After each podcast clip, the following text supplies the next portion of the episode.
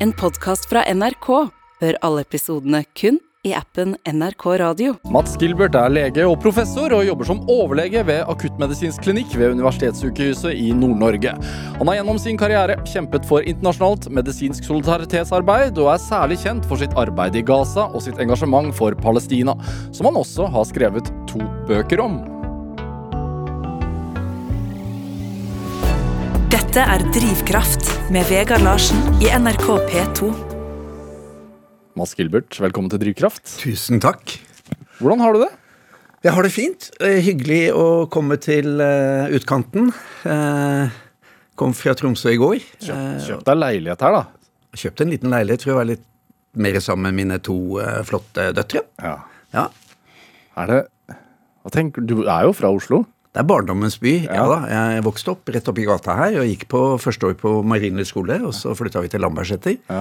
Gikk jeg barneskolen der. Og så flytta vi tilbake til Majorstua. Så gikk jeg på Katta, og så studerte jeg medisin i Oslo. Så Oslo er, eh, er nært eh, hjertet, men eh, Nord-Norge Nord-Norge vinner. Er du nostalgisk? Ja, kjempe. Jeg er nostalgisk og romantisk og helt håpløs. Hæ. Kjempeemosjonell. Er du det? Ja, ja, ja. Nå går jo et av mine barnebarn går jo nå på Marienlyst skole, og jeg har vært med på sånn skole første skoledag og ja, hentet og Ja, nei, det er veldig, veldig emosjonelt. Ja. Så klart. Hæ. Barndommens gater. Er det en egenskap som uh, har uh, Hva skal man si? Ført deg ut i verden? Ja, jeg tror at vi skal eh, lytte mer til følelsene våre. Jeg tror vi skal være åpne for at følelser også er et godt kompass, et verdikompass og et kompass å styre etter.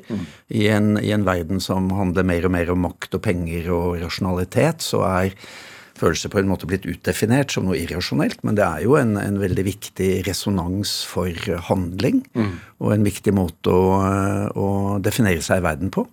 Det var følelser som gjorde at du bosatte deg i Tromsø også? Absolutt. Ja da. Jeg fikk meg en sommerjobb der midt i studiet og dro nordover med Hurtigruta fra Bergen og ble mer og mer målløs etter hvert som jeg seg nordover og så dette landskapet som åpnet seg. og Kom til Tromsø en junidag eh, ja, strålende sol og varme og ja, jobba på Åsgård i to måneder og ble fullstendig bergtatt av tre ting. Menneskene, naturen og lyset. Hvorfor uh, passet det deg? Jeg vet ikke helt. Det var en følelse at uh, jeg ble tatt for uh, det vi kaller på nynorsk face value. Det var liksom greit. Du ble tatt for den du var. Det var ikke noe jåleri. Veldig åpenhet for eh, å være seg sjøl. Mye humor. Og en, og en ganske besk humor ofte, men eh, en, eh, et en fornemmelse av mye levd liv. Og det er klart, ikke sant Finnmark, Nord-Troms brent ned av uh, tyskerten i uh, 44-45. Uh, det er hardt liv langs kysten for å høste havet, hardt liv i reindrifta.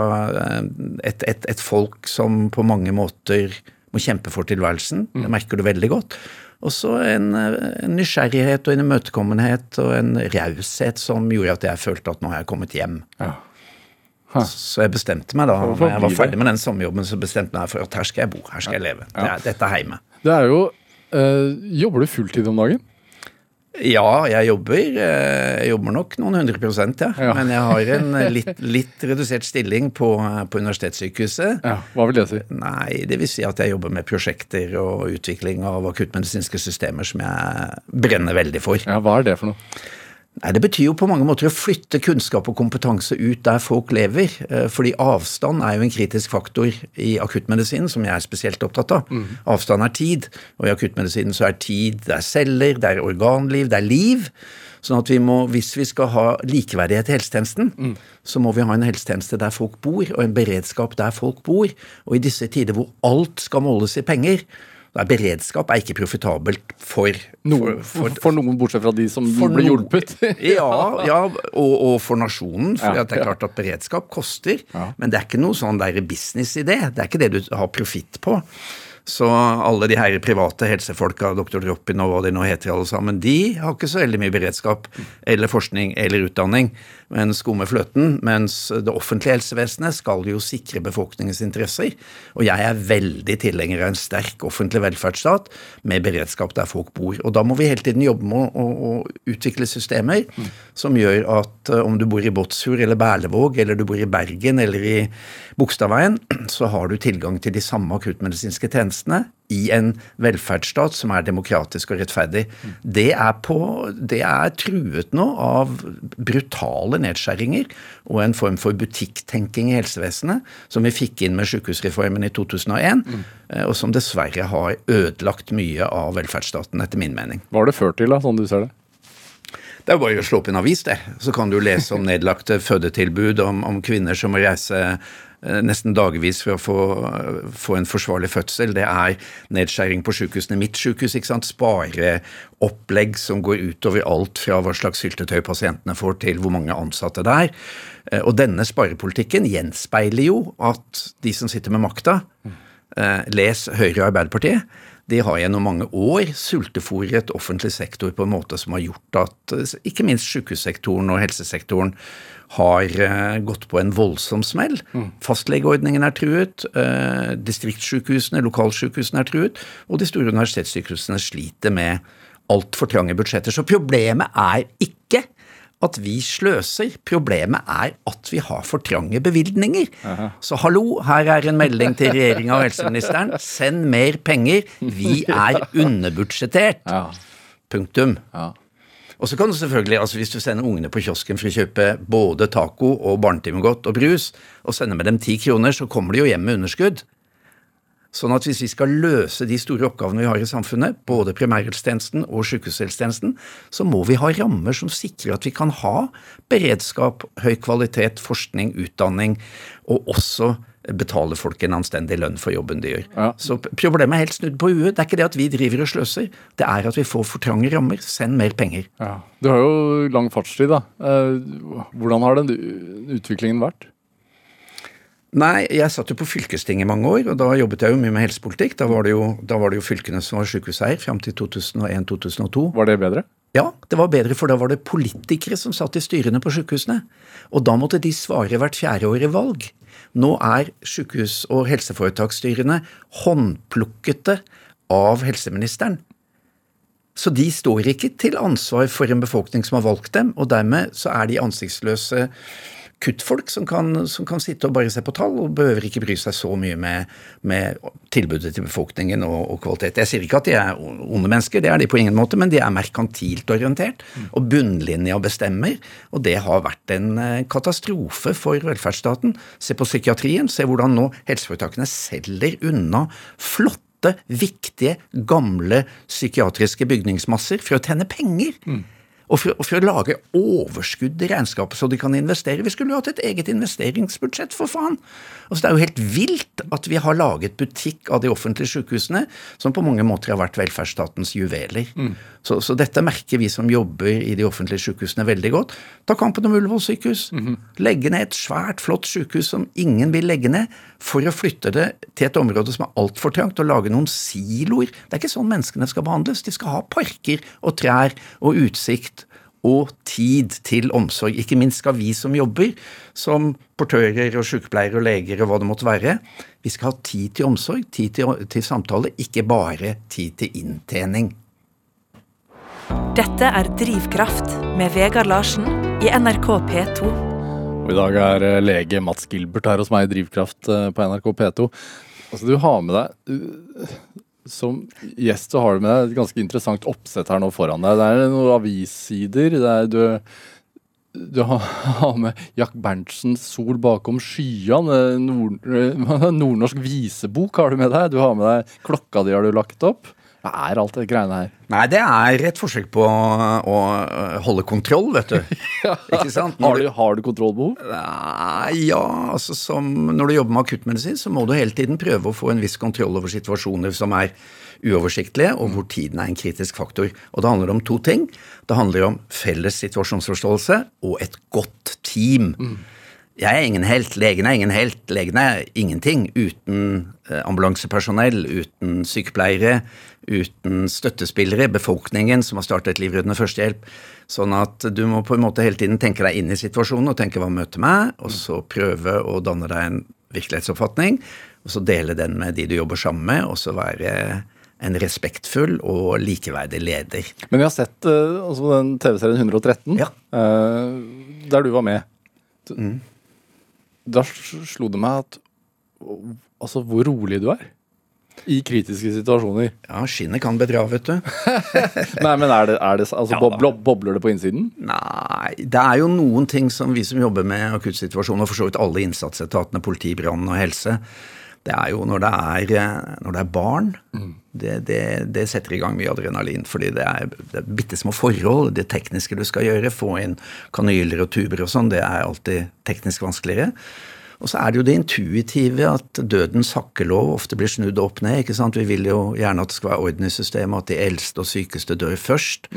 Og barna skal jo ikke dø først, eh, verken av det ene eller det andre. Sånn at eh, når det er barn involvert, så har du ofte et ganske høyt eh, intensitetsnivå.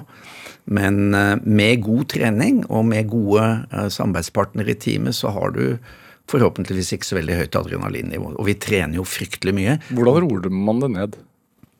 Nei, du kan, jo, du kan jo si Du kan drive med litt sånn maning. Du kan mane deg selv og si 'dette klarer du', 'dette får du til'. Og det kan du si til teamet ditt. Og så er det god blikkontakt og en liten berøring, og så er det å ha øvd og være trygg på hverandre på forhånd. Og det er også et problem med nedskjæringene, at nå har vi altfor lite ressurser til trening.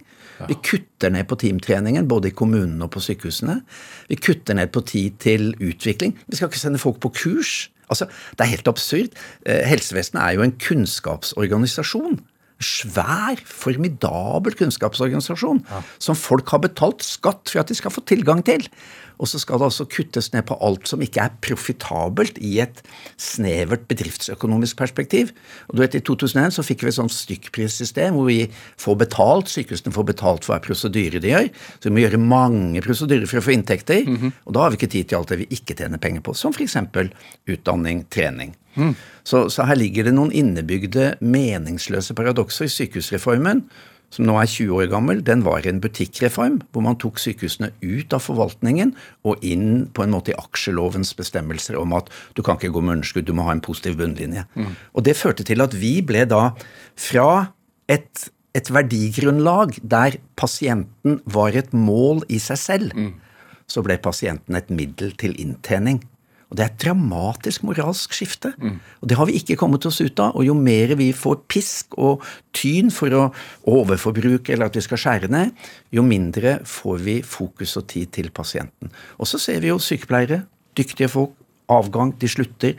Etablerer sitt eget enkeltmannsforetak og selger seg inn til tre-fire ganger høyere pris. Det er en helt absurd utvikling. Så igjen, vi har for trange rammer, vi har for små rammebevilgninger. Bli kvitt sykehusreformen og få et rammefinansieringssystem som eh, er, sam, som er avstemt i forhold til behovene. Og behovene er veldefinert. Dette er noe man har sett også i, i forhold til utdanningsreformer og sånne ting også. Få, få studentene fortest mulig gjennom kverna, fordi at man får Ja, ja. Dette er, jo new, dette er jo new public management hele veien. ikke sant? Det er jo Maggie Thatcher og hele den driten der.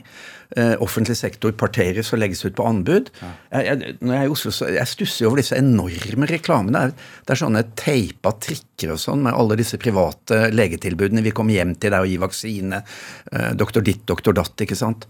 Det var jo penger som egentlig skulle vært i fastlegeordningen som er den gamle, gode huslegeordningen i Norge. En offentlig huslege som kommer hjem til deg. Nå må du betale penger og ha egen forsikring for det. Så vi er, vi er i ferd med å fortynne, uttynne og underminere velferdsstatens viktigste idealer, nemlig gratis helsetjeneste til alle der du bor, der du lever, uansett hvem du er. Så, så, så altså for all del, og vi må jo ikke se oss blinde på, på Norge, da, for vi har det jo tross alt bra i Norge. Eh, snu kamera og vis oss den verden vi ikke får se, sang Sverre Kjelsberg i 1975 om Argentina-VM i fotball. Eh, og eh, nå har jo Moddi laget en ny en på det, men, men snu kamera og vis oss, og det vi får se altfor lite av i Norge, det er jo den globale fattigdommen. Og den globale mangelen på helsetilbud. Eh, som også er en del av vårt ansvar. Og da blir det jo enda verre. Ja, er den det? Er den en del av vårt ansvar? Selvfølgelig er den det! Du kan ikke la deg selv drukne i ditt eget smørøye. Du må jo ta ansvar for noe mer enn din egen egoistiske, eh, vellykkede, rike hverdag. Norge er er jo gjentatt til det kjedsommelige. Vi er jo søkkrike. Nå er vi jo en av verdens største krigsprofitører. Både på olje, gass og våpenindustri. Og så kommer altså statsbudsjettet i år og har gått bort fra målet om at vi i hvert fall skal bruke 1 av statsbudsjettet på bistand. Ja, Vi har tjent for mye penger. Ja, vi har tjent Den ene prosenten har blitt for høy. Ja, og da, det betyr at vi skal beholde mer enn 99% sjøl. Og Norge var da ledende i verden med 1 %-målet. Og vet du hva? Vet du hvor mange fattige det er i verden i dag? Ifølge FN, det er altså 1,3 milliarder mennesker som lever i det som kalles for multidimensjonal fattigdom. Og av de så er det altså over 700 millioner som lever i ekstrem fattigdom og må klare seg for under 19 kroner dagen. Det skal vi da sitte rolig og se på, og fortsette å være en, en rett og slett en imperialistmakt som, som gir blaffen i verden, snur ryggen til verden. Det passer dårlig med at vi har eh, ansvaret både for Nobels fredspris og liksom liker å sole oss i et selvbilde at vi er en sånn fredsnasjon. Er det Hva syns du om verdensutviklingen generelt, Gilbert? Jeg har trua på ungdommen. Jeg syns at miljøbevegelsen, de unge folk og aktivistene eh, i Norge, eh, i Sverige, over hele verden, de eh, er et framtidshåp. Det er mye motstand i det globale sør mot kolonialismen, mot imperialismen. Det er eh, mye mer bevissthet om hvordan kolonitiden har eh, utarmet eh, flertallsverden, og flertallet av menneskene bor jo i det globale sør. En fjerdedel bor, en fjerdedel bor i det rike nord, tre fjerdedeler bor i det globale fattige sør. Mm. jeg er veldig bekymret for at eh, krigskulturen og det militærindustrielle komplekset vokser seg så sterkt og har så mye makt. Altså det er jo Ja, en- sånn ny opprustning som er på gang? ja, på en måte så er det jo det. det er, vi skal liksom basere eh, verden på frykt og ikke på tillit. Eh, og eh, den virkelige fienden mener jeg fortsatt er, er en, en veldig profitabel våpenindustri over hele verden. Ikke minst i, i USA, Russland, Kina. Norge for så vidt. Norge er vel på ellevteplass globalt. Eh, og jeg, jeg, jeg, altså jeg fryser på ryggen når jeg ser våre flotte skihoppere ha liksom Nammo på lua. For det, det er jo eh, altså, I dag er jo norsk våpenindustri en betydelig eh, eksportør av livsfarlige våpen. Og en krigsprofitør. Og så står det liksom på Hvem var det, da? Det er de andre, er det skifolka? Vi støtter morgendagens helter. Hvem skal støtte de som ikke er helter? Altså det, er, det er på en måte en bevegelse i retning av et veldig endimensjonalt menneskesyn. Vinnere, helter. Eh, Vi skal være oss sjøl nok. Vi trenger mer solidaritet. Vi trenger mer eh, nyheter. Ansvar på dere journalister. For å vise den virkelige verden slik den er, og ikke bare vise glansbilder av oss sjøl. Men tror du ikke at eh, folk flest er klar over dette her, da, men altså egentlig ikke hva skal man si, orker å la det gå inn over seg? Jo, eh, jo, jeg tror det er et godt poeng. Folk flest er klar over det. Og det er jo, det er jo en god del studier som viser nokså stabilt at flertallet er absolutt for bistand. Eh, Ni av ti er for bistand, når du spør det norske folket. Flertallet av de som er for bistand, det er kvinner og ungdom, men ni av ti er stabilt for bistand. Likevel så kutter vi altså på bistandsbudsjettet, og nå går vi jo mot jul. Vet du hva vi brukte på julehandelen i fjor i Norge? Nei, Det står sikkert på et av dokumentene du har foran deg. nei, vet du hva vet du hvor mye vi brukte på julehandel i fjor? Vi brukte 118 milliarder kroner på juleshopping og julepynt og alt det der som vi bruker i tre uker. Og vet du hvor mye vi brukte på bistand i fjor? Vi brukte altså 118 milliarder på julehandel. Så brukte vi 39,5 milliarder på bistand. Så, så det er nok å ta, og penger fins, og vi må øke bistandsbudsjettene våre. Og så må vi først og fremst øke det som kan skape selvstendighet og uavhengighet i det globale sør. Og det handler jo veldig mye om å dele på kunnskap og ferdigheter. Lære opp folk, gi dem mulighet til å skape sine egne helsesystemer, sine egne skolesystemer, og ikke drive og sende eh, eksperter hele tiden, hvite eksperter som drar ned og liksom fikser og ordner opp for de som ikke kan, og så drar vi tilbake, og så, så har vi liksom gjort det. Men det er ikke det som løser problemene. Det som løser problemene, er jo at vi, at vi blir kvitt kolonitenkingen, at vi styrker de eh, som lever i det globale sør, med kunnskap og ferdigheter, og at vi deler på rikdommene våre. Blir du matt? Nei. Nei, jeg blir ikke matt. Hvordan, blir, eh, hvordan altså, For engasjementet ditt er jo eh, sterkt. Hvordan klarer du å å holde det oppe? Altså, det er, du, I forhold til utviklingen da, som du skisserer, så går den jo i feil retning på mange måter. Hva, hva er det som gjør at du kommer hit smilende? Nei, det er jo rett og slett at vi alle har et valg. Vi har en mulighet to make a little dent in the shit. Bare lage et lite, en lite dytt i dritten hver dag. Et vennlig smil. eh, En, en solidarisk handling, en tanke for de andre, en mulighet til å lese seg opp på et eh, viktig tema, skaffe seg kunnskap, være kritisk til makta, være kritisk til media, og se på seg sjøl som en kraft. Det er jo, det er jo helt fantastisk. Vi kan alle forandre den virkeligheten vi sjøl lever i. Eh, og det er det handler om det nære. De gode gjerninger redder verden. Det er det ikke tvil om.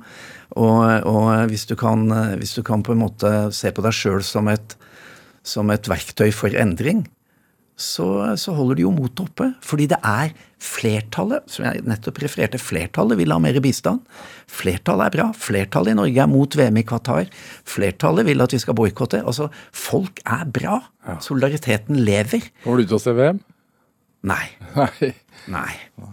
Jeg gjør nok ikke det. eh, Og jeg fatter ikke hvordan NRK og TV 2 kan forsvare at de drar.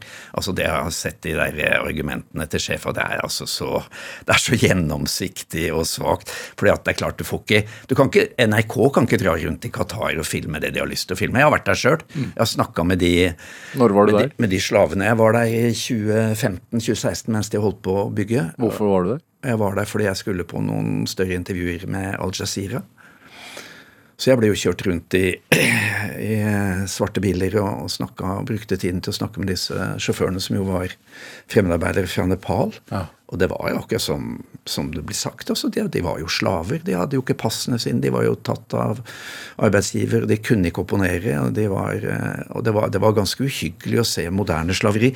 Jeg leste akkurat at ILO, altså den internasjonale arbeidsorganisasjonen, de har altså dokumentert, eller tallet deres er at 40 millioner mennesker lever i slaveri i dag. Og av de er det 25 millioner som lever i tvangsarbeid. Sånn at slaveriet er ikke over, fattigdommen er ikke over, og vi, vi, vi er nødt til å løfte blikket. Og så har du klimakrisen, som også rammer de fattigste hardest. Se på flommen i Pakistan. Se på sultkatastrofen som følge av klimaendringer. Og Norge, sto det i Aftenposten på lørdag, er det verste landet i verden når det gjelder naturforbruk. Altså, vi hogger ned og gafler i oss naturen som om det skulle være spagetti til middag. Norge er verst i verden. Tenk på det. Og nå skal de altså bygge enorme vindmølleparker i reinbeiteområdene i Øst-Finnmark. Helt opp på det hellige fjellet, Rastigaisi. Tenk om noen hadde bygget en vindmøllepark rundt Nidaroskatedralen, da. Altså, det henger ikke på greip. Vi er nødt til å gjøre noen grep. Alle har ansvar, og da må vi ta det ansvaret. Sånn at svaret på spørsmålet ditt, hvordan holder du motet oppe, det er at det er så jævlig mye bra folk. Ja. Og ungdommen er så utrolig aktiv, og verden går framover. Ja, han gjør den det. Ja, han gjør det. Han gjør det. Det må vi tro på. Vi må ha trua. Når du eh, holder forelesninger Du er jo professor også. Det Ja, hender, ja, jo at du holder forelesninger. Emeritus. Ja. Ja. ja, jeg holder masse forelesninger. Er det, går det da på medisin, eller går det på politikk mest? Medisin og politikk er siamesiske tvillinger. Det er, le, det er levekårene som bestemmer folkehelsen. Det er ikke ambulansehelikopter og store sykehus. Det er tilgangen til rent vann, sikker mat, bolig, arbeid, utdanning, menneskelig trygghet, og så kommer helsevesenet. Og for de aller fleste fattige så mangler de første forutsetningene for helse. Så for de aller fleste i den fattige delen av verden som er syke, så handler det ikke om ambulansehelikoptre eller team fra en eller annen eh, velstående eh, vestlig bistandsorganisasjon. Det handler om å ha rent vann til å lage mat og vaske ungene. Det handler om mat nok til å overleve. Det handler om utdanning, sånn at de kan lære om grunnleggende helse og hygiene. Og det handler om retten til trygt arbeid til en rimelig lønn. Det er det som skaper folkehelse. Og hvis du er doktor uten å ha forstått det, så, så blir du jo bare en, eh, da blir du jo bare en symptombehandler. Og i dette perspektivet så er jo det største helseproblemet i verden i dag det er to ting. Det er fattigdom, og så er det økende forskjeller. Hvis det er tre ting. Det er, det er fattigdom, økende forskjeller og klimakrisen. Hvorfor er økende forskjeller et problem? Alle studier viser at forskjellene i et samfunn mellom de som har mest og de har minst, det er prediktoren. Det er det som, det er det som bestemmer både helse, kriminalitet, kunnskaper, matematikkunnskaper, trygghet, tillit mellom folk. Her finnes det massevis av data, statistiske data som viser at det er forskjellene i et samfunn.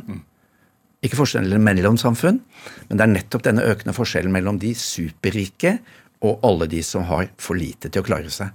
Derfor er forskjellsutviklingen i Norge Det er tre ting folk i Norge er opptatt av. Det er krisa i helsevesenet, det er miljøkrisen, og det er de økende forskjellene.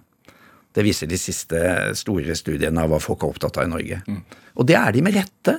Fordi du, Når du spør meg om jeg foreleser om politikk eller helse Politikk er helse, helse er politikk. Eh, og, og, legen skal være de fattiges advokat. Mm. Eh, og da må du snakke om samfunnsforhold. Det er klart Hvis vi snakker om akuttbehandling av hjerteinfarkt, så, så, så, snakker vi om akuttbehandling av hjerteinfarkt. ja. men, men, hvis vi skal ta det i perspektiv, så er jo spørsmålet hvor lang tid går det før det kommer en ambulanse til noen som har akutte brystsmerter? Mm. Det er et politisk spørsmål.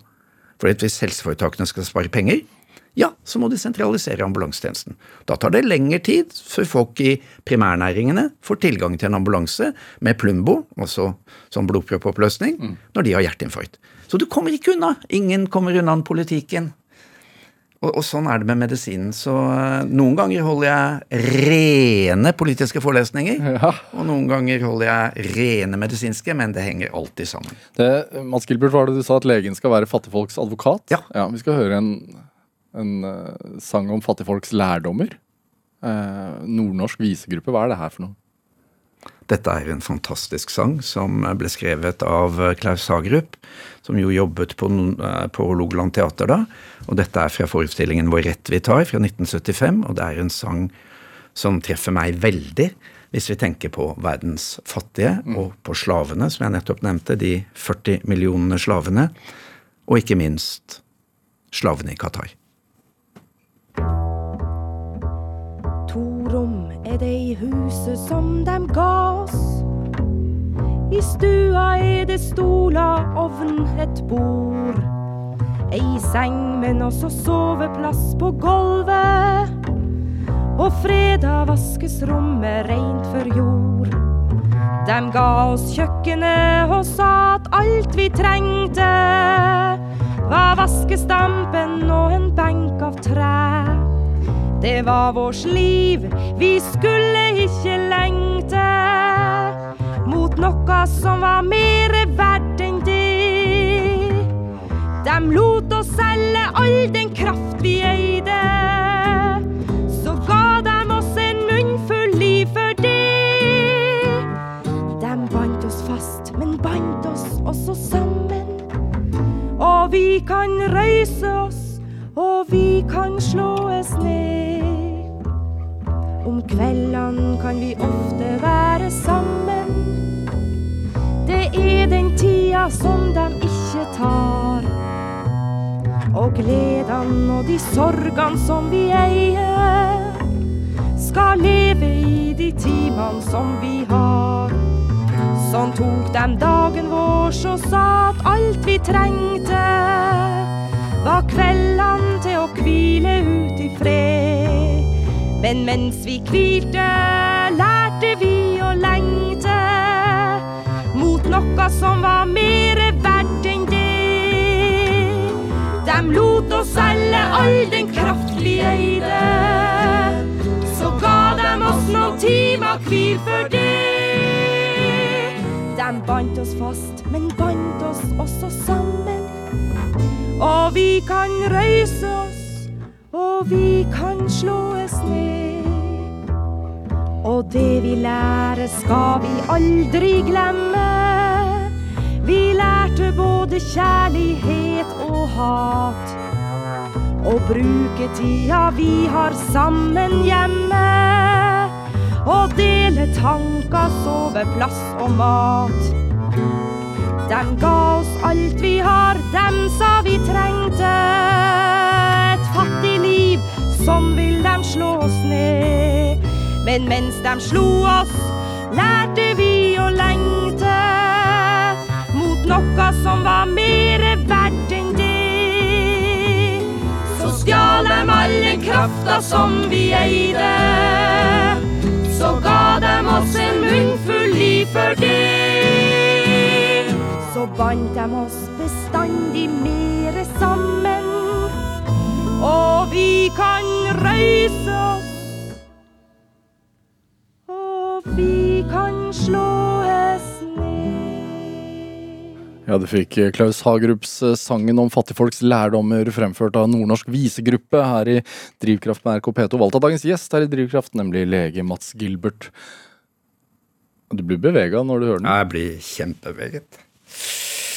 Hvorfor det? Hva er det som Nei, treffer fordi det er så Altså, det å, å forstå For oss rike, å forstå klasseinnholdet i, i samfunnet, og forstå hva det vil si å være fattig, hva det vil si å være fratatt retten til et verdig liv, eh, fratatt muligheten til å skaffe ungene dine skoleveske, eh, skolebøker, skaffe veslungen mat, skaffe vann, ha mannen eller ektefellen kommet trygt hjem fra arbeidet.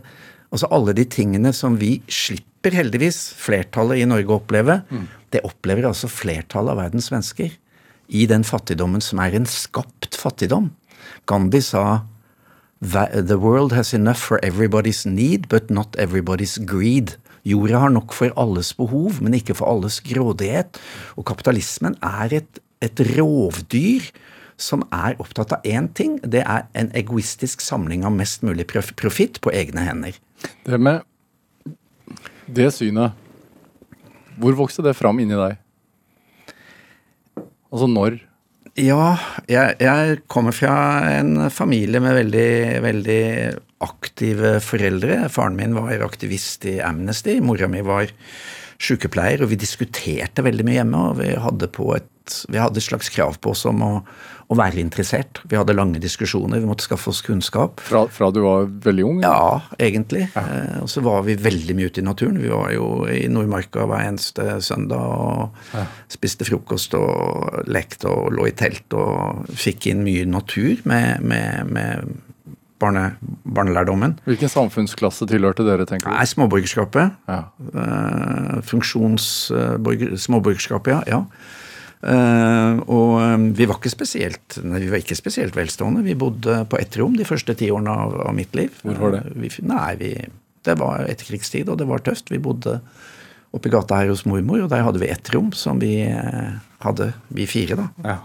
Mora mi og faren min og storesøstera mi, min kjære storesøster. Eh, Så det var eh, Vi klarte oss greit. eh, Men jeg tror når du spør om hvor liksom kom engasjementet fra, så var det nok eh, Jeg tror det var de årene jeg gikk på videregående. Jeg gikk på Katta. Veldig aktivt eh, elevmiljø. Var med i skoleavisa. Mm.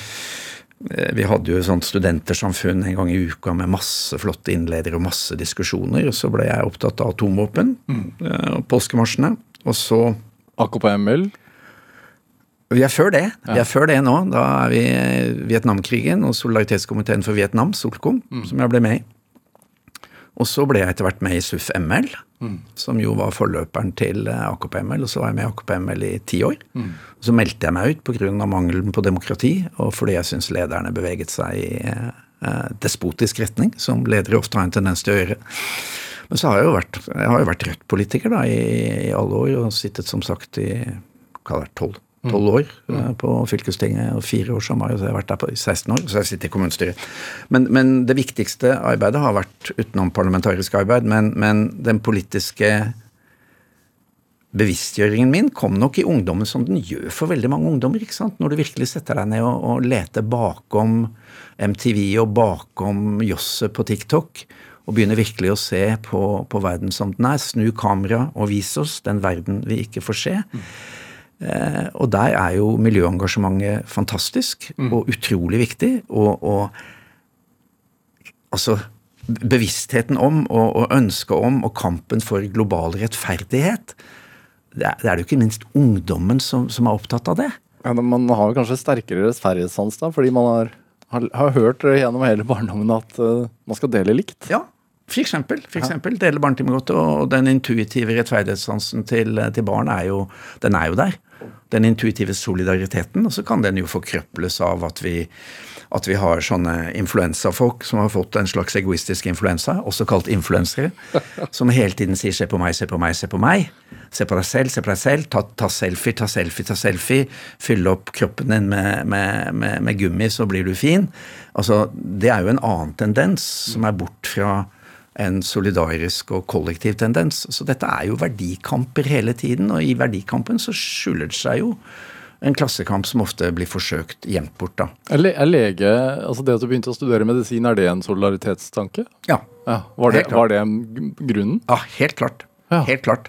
Men det var, ikke, det var ikke førstevalget? Eller? Nei, jeg skulle bli forstmann eller veterinær, men det er, det er historie. Så jeg gikk eh, halvannet år på veterinærhøgskolen, og så, og så hoppa jeg og begynte på medisin isteden. Og, og jeg var veldig, veldig opptatt av internasjonal solidaritet Mm. og medisin, og medisin og medisinsk arbeid som et verktøy. Sånn type, Hvordan kan jeg hjelpe Nettopp. flest mulig? Ja. Ja, ja, hvis vi bytter bort verbet med verbet 'hjelpe' med 'hvordan kan jeg være solidarisk Ja. med de som er i en vanskelig situasjon'. For jeg tror, jeg tror det der hjelpemetaforen, det det er fint, det er helt ålreit, men, men den ender ofte opp i en form for veldedighet og, og, og på en måte medlidenhet. Ja. Og det hjelper ikke de undertrykte. Solidaritet, derimot, det at du stiller skulder ved skulder, deler deres vilkår og spør dem hva kan jeg gjøre for dere som er nyttig for dere. Punkt én. Og punkt to, ta med erfaringer, kunnskap, inntrykk, fortellinger hjem. Og bidra til at vi får en bredere forståelse av hvordan verden ser ut gjennom det du selv har opplevd. Så alle lyttere som sitter nå og måtte høre på dette, reis ut og se sjøl. Hva var det, hva skal man si, eh, reisene som gjorde inntrykk på deg som ung mann?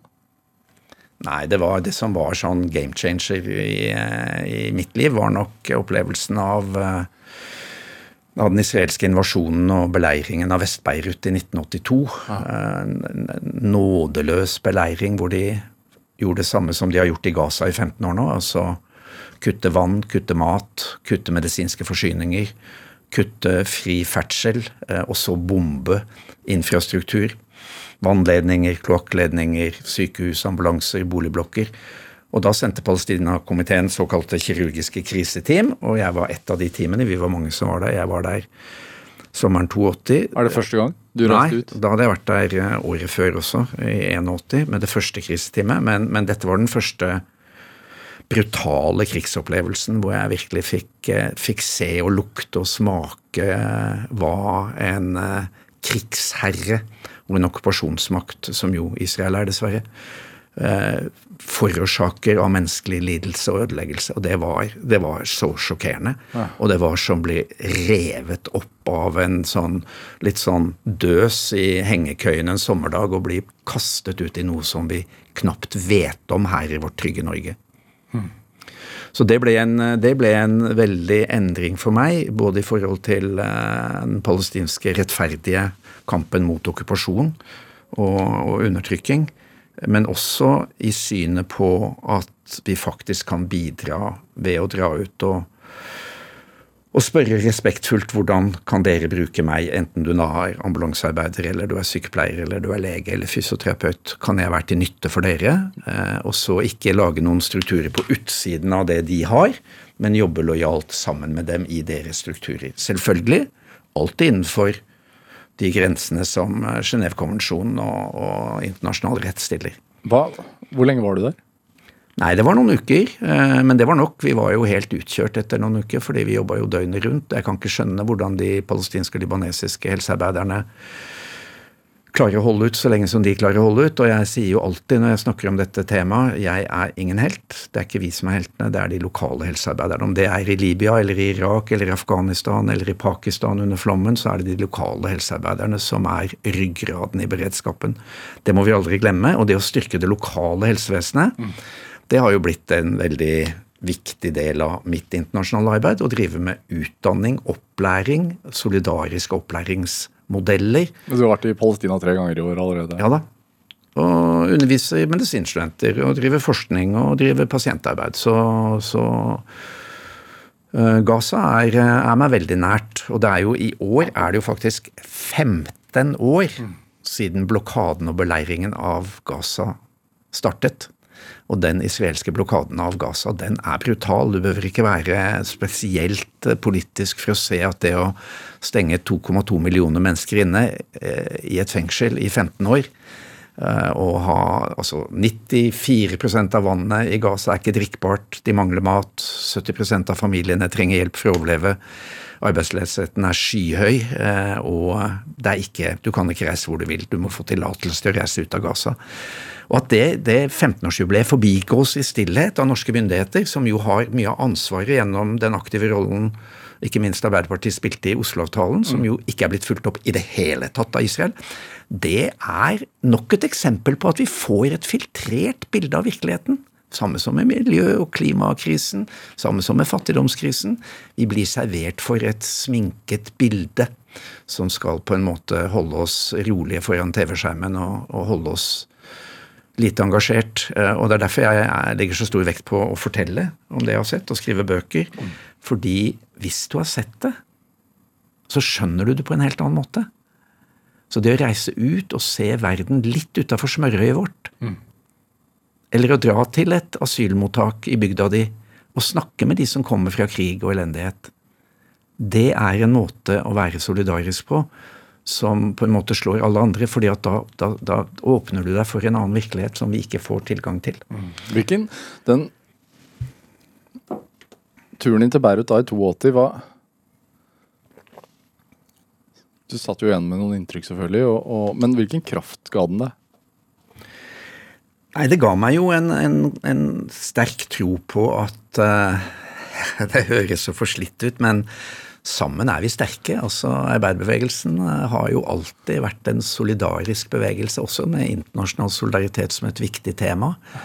Og eh, det å ikke stå aleine, det, det, å stå sammen og det å ha et felles verdimål og et felles mål for rettferdighet og frigjøring, det, det, det gir deg en enorm styrke.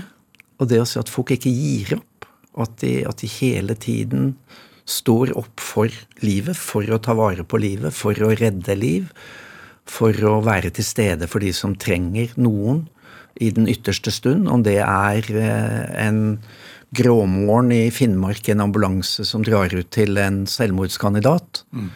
eller det er en, eh, en, sykepleier som står eh, i Kabul og tar vare på underernærte barn. Altså, det å være på livets side og ikke på dødens side, det gir håp. Hvordan, men hvordan klarer du det, å være på livets side når du har opplevd såpass mye grusomheter? Ja, men Det er jo lettere enn da, da, er det jo enda lettere, for ja. da ser du jo konsekvensen av våpenindustrien, av, av, imperialisme og av kolonipolitikk og apartheid. Når du ser det på nært hold, ja. så gir det deg i hvert fall pågangsmot til å fortsette kampen for en bedre verden. Det med, uh, med Gaza, altså Du ble jo du var, du var, jo en av få som var, var, var igjen der uh, i 2008. Uh, hva gjorde det? Nei, Jeg var det sammen med min gode venn og kollega uh, Erik, Erik Fosse. Mm. Og vi er, jo, vi er jo nære venner. Vi var jo med på begge to i sin tid å stifte bistands- eller solidaritetsorganisasjonen, vil jeg nå si, Norvac, Norwegian Aid Committee. Eh, vi var det eneste som slapp inn. Eh, da var Israels taktikk å ikke slippe inn noen medier, så vi ble jo i en dobbeltrolle både å rapportere om det som skjedde, og å jobbe sammen med palestinske helsearbeidere. Og jeg understreker igjen, var de palestinske ambulansearbeiderne, legene, medisinstudentene og sykepleierne var de som gjorde jobben. Vi bisto så godt vi kunne og ga vår skjerv, bevares vel. Men du ble et talerør ut av det? Altså et, vi ble, et, ble et ja, vitne, på en måte? Ja, vi ble vitner. Vi ble et kunnskapspunkt. Og det, og det reiste jo selvfølgelig spørsmålet er, er, hva er det med Gilbert og Foss, er de journalister eller er de leger? Nei, men uh, nå skal du høre, vi forteller om vilkår som skaper uhelse. Ja. Og vi sa ikke 'send mer bandasjer og medisiner', vi sa 'stopp bombingen'. Vi sa det som avslutning på omtrent hvert eneste intervju. Medisinen nå, det er å stoppe bombingen. Og det er jo akkurat det samme. altså Medisinen i Qatar, det er jo å stoppe slaveriet. Det er jo å gi folk eh, vanlige menneskerettigheter. Det der å drive og, og, og på en måte skulle lappe på et system som grunnleggende er galt og urettferdig og umenneskelig, det kom ikke noe vei med. Og det er noe av problemet med, med bistandsindustrien. At den, den, går ofte ikke til root causes, den går ikke til de grunnleggende årsakene til at vi har så mange fattige, at vi har så mange sultne, at vi har så mange unger som dør av diaré i 2022. Altså Hadde ti unger dødd i et norsk lokalsamfunn av diaré, så hadde regjeringen måttet gå på dagen. Vi ville aldri godtatt det. Og så dør det hundretusener av unger av diaré bare noen timers flyreise unna. Altså dette, dette forskjellsgapet, det kan vi ikke sitte stille og akseptere. Uh, og det er dette forskjellsgapet som jeg føler at, at Erik og jeg prøvde å sette ord på. Og vi ble jo hardt angrepet. Vi skrev en artikkel i The Lancet, verdens fremste medisinske tidsskrift, fra Gaza. Den ble publisert 17.1.2009. Dagen etter at den ble publisert, så ble den angrepet av den israelske regjeringens talsmann, som gikk til knallhardt angrep og sa at Lancet skulle aldri publisert den artikkelen. Hvorfor det? Fordi vi viste den skarpe enden av våpnenes grusomhet. Det vil ikke makta ha noe av. Sånn at reportasjer som viser Og derfor publiserer jo vi bilder, og jeg bruker mitt eget kamera og publiserer bilder av hvordan ser et forbrent, bombeskadet barn ut? Mm. For det får vi ikke på Dagsrevyen, det får vi ikke på CNN.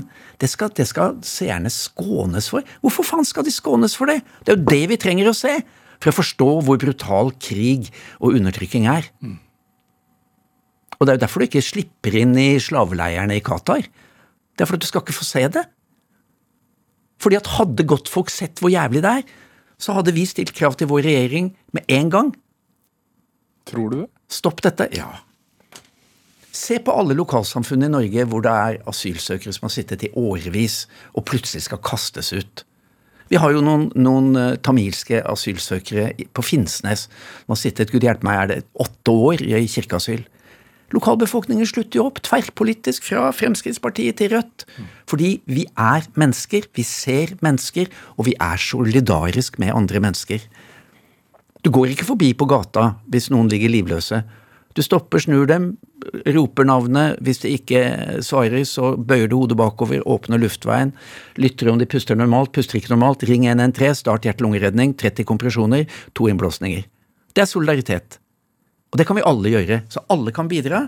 Og jeg er helt sikker på at når vi alle bidrar, så forandrer vi verden til det bedre. To EU-avstemninger. Massiv påvirkning for at Norge skulle bli med i EU. Hele makta, borgerskapet, pressen, regjeringsapparatet. Vi må bli med.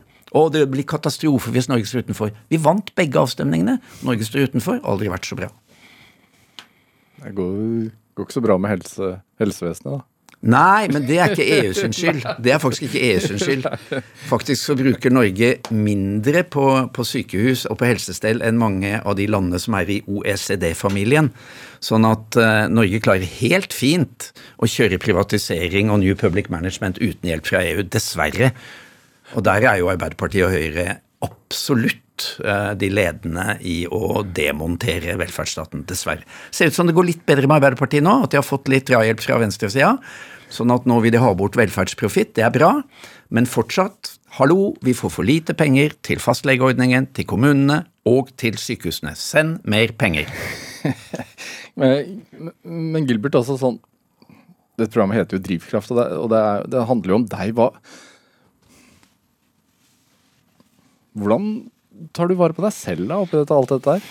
Altså, Jeg syns ikke jeg er så veldig interessant. Nei, men, men, men, for, for, men, for, at du skal ha energi til å, å, å proklamere og, og, og, stå på barrikadene?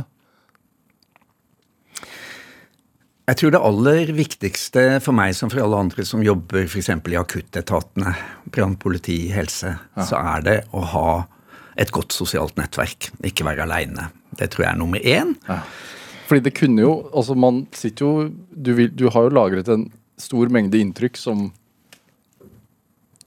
ja, hvorfor tror du jeg begynner å grine når jeg hører sangen om fattigfolks eh, lærdommer? Det er jo fordi at det treffer et magasin av ikke innestengte, men magasinerte følelser. Ja. Og det er helt Altså, selvfølgelig skal vi ha følelser, mm. men jeg kan ikke jobbe aktivt og operativt i en, i en i en tøff akuttmedisinsk situasjon hvis jeg skulle hele tiden måtte bli blindet av mine egne tårer. Så det må jeg liksom ta et, på et annet tidspunkt. Men, men, til spørsmålet ditt ivaretakelse, så tror jeg det aller viktigste er jo et godt arbeidsmiljø. At du har arbeidskamerater som ser deg, og at, at, vi er flinke til å spørre hverandre hvordan har du det. Mm. Og at de som har vært i innsats, at det er tid og rom for at de etter innsats kan få lov til å sitte en times tid for seg sjøl. Eh, kanskje at ledelsen har skaffet en pizza og noe brus og noe kaffe og så få lov til å prate sammen om det de har lyst til å prate om. Ikke noe formell debrief, men bare en defusing hvor de får prate sammen. Og det er arbeidsgivers ansvar. Og det er det altfor lite av i dag, fordi vi har ikke tid, vi har ikke penger til det. Uh, Stavanger universitetssykehus har et flott opplegg. De har kollegastøtter på alle avdelinger. Var der og foreleste for noen uker siden. Kjempefint opplegg. Men de færreste helseinstitusjoner tar seg tid og råd til å ha den typen kollegial støtte etter innsats. Så sosial støtte én. To, eh, at det er meningsfylt. Eh, er jo kjempeviktig at du kan tenke tilbake på det du har vært med på på jobb som noe meningsfylt. Ikke bare et meningsløst jag etter å, å spare penger på vegne av noen som absolutt skal deg til å spare penger, eh, mens du egentlig er mer opptatt kanskje av å ha tid til samtale med pasient og familie. Mm. Er den tiden der i dag? Nei. Det svares jo på fra alle hold. Vi har ikke tid. Vi har ikke tid. Vi har ikke nok tid til, til omsorg.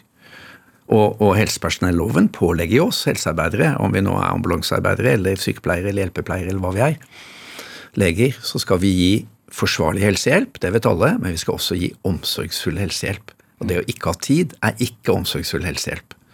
Og hvis du ser på hvordan flukten nå fra sykepleieryrket, fra jordmoryrket osv., det er jo et uttrykk for at folk ikke orker å leve med et sånt etisk sprik i hverdagen, mm. Hvor du både må løpe fortere fordi du har for lite ressurser, for lite folk, og samtidig skal oppfylle dine egne etiske krav om godt helsearbeid og lovens krav om omsorgsfull helsehjelp. Men det tredje elementet i, i, for meg i omsorg, eh, selvfølgelig eh, sosial støtte. Jeg har jo familien min. Jeg har to supre døtre, Siri og Anna, som jeg alltid kan snakke med. Men det er ikke alt du kan ta med deg hjem av de grufulle opplevelsene. Hvis det har vært noe grufullt. Det må du liksom snakke med arbeidskameratene dine om. Sånn at når det gjelder Gaza, så er det jo der på mange måter at jeg får min støtte. Det er jo fra mine kolleger. Men for meg er nok det tredje og viktige verktøyet, det er naturen. Ja, Der du kobler av? Ja. ja. Drar ut i den nordnorske naturen. Padler en tur, går en tur, sykler en tur, eller sitter bare helt stille i fjæra. Aleine ofte? Ja, ja. ofte. Jeg liker, jeg liker, meg egentlig. Jeg liker ikke å gå i flokk, jeg liker å gå aleine. Og så har jeg så heldig at jeg har et lite småbruk på yttersida som jeg drar til, og der er det ikke strøm, og det er uh, stille. Det er ikke noen biler, det er ingen som bor der. Det er en øy hvor du ser, uh, mm. ser mektige fjell og havet som rolig stiger og synker. Når du har vært der et døgn eller to, så får du på mange måter havets og naturens rytme inn i kroppen, og, og naturen tar alltid imot deg. Mm. Eh, omhyller deg alltid med omsorg, gir deg alltid ro, gir deg alltid et sted å hvile blikket og hvile tanken. Så ja. Kobler av helt? Også fra utenom verden? Ja, kobler av, eller eh, kobler på uh, helheten. At, at ting Tiden er jo en veldig relativ faktor, ikke sant. Disse fjellene og dette havet har vært der i milliarder av år. Vi er noen små virveldyr som kryper rundt på kloden her og gjør vårt beste for å ødelegge den, eh, i motsetning til de fleste andre virveldyrene. Men, eh, men ja, naturen er raus og ivaretagende. Og jeg var for et par uker siden en, en helg ute på denne øya, og det var et helt enormt nordlys. Og jeg var ute på trappa for å slå lens, og så ser jeg opp mot himmelen, og så er det bare dette altomfattende nordlyset som innhyller deg i rødt, grønt, blått lys, som et slør av guddom, nærmest. Ja. Som gjør at du virkelig føler at eh, både du er ivaretatt, og at det er noe som er større enn deg sjøl. Mm. Hvor mye håp er det i deg? Masse håp. Masse håp. Og jeg leter etter glass som er halvfulle og ikke halvtomme. Helt konsekvent. Ja. Jeg prøver alltid å se hva er det positive, og hva kan vi gjøre bedre. Eh, en, en, dialektisk forståelse, ikke et mekanisk, men et dialektisk syn på, eh, på både liv og på verden. Og eh, Hva gjør det? Nei, håpet er jo, er jo på en måte Det er jo drivstoffet, det, da. solidaritet og håp, nestekjærlighet. Jeg tenker jo på helsearbeid generelt sett i Norge, hvor vi har en flott velferdsstat, la oss ikke glemme det, som et stort uh, solidaritetsprosjekt som bygger på barmhjertighet og nestekjærlighet. Det, det, altså det kombinerer både kristne verdier, sosialistiske verdier, altruistiske verdier. Og den velferdsstaten skal vi ta vare på. Hva er ditt vern mot vold? Hva er ditt sverd?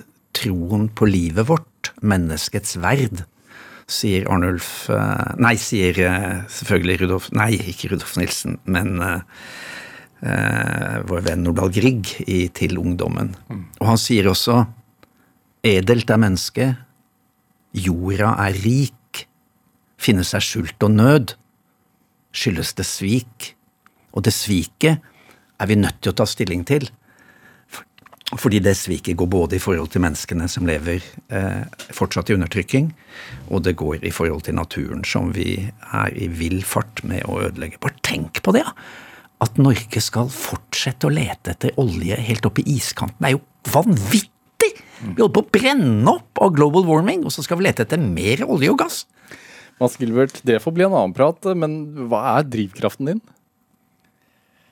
Det er eh, kjærlighet og solidaritet. Mads Gilbert, tusen takk for at du kom til Drivkraft. Hør flere samtaler i Drivkraft på nrk.no eller i appen NRK Radio. Der kan du laste ned alle programmene som podkast også. Send oss gjerne ris eller ros, og også tips til mennesker som du mener har drivkraft. Send den e-posten til drivkraft.nrk.no Vi hører veldig gjerne fra deg. Produsent og researcher i dag, det var Ellen Foss Sørensen. Eh, dette her det var Drivkraft. Jeg heter Vega Larsen. Vi høres. Du har hørt en podkast fra NRK. Hør alle episodene kun i appen NRK Radio. Hei!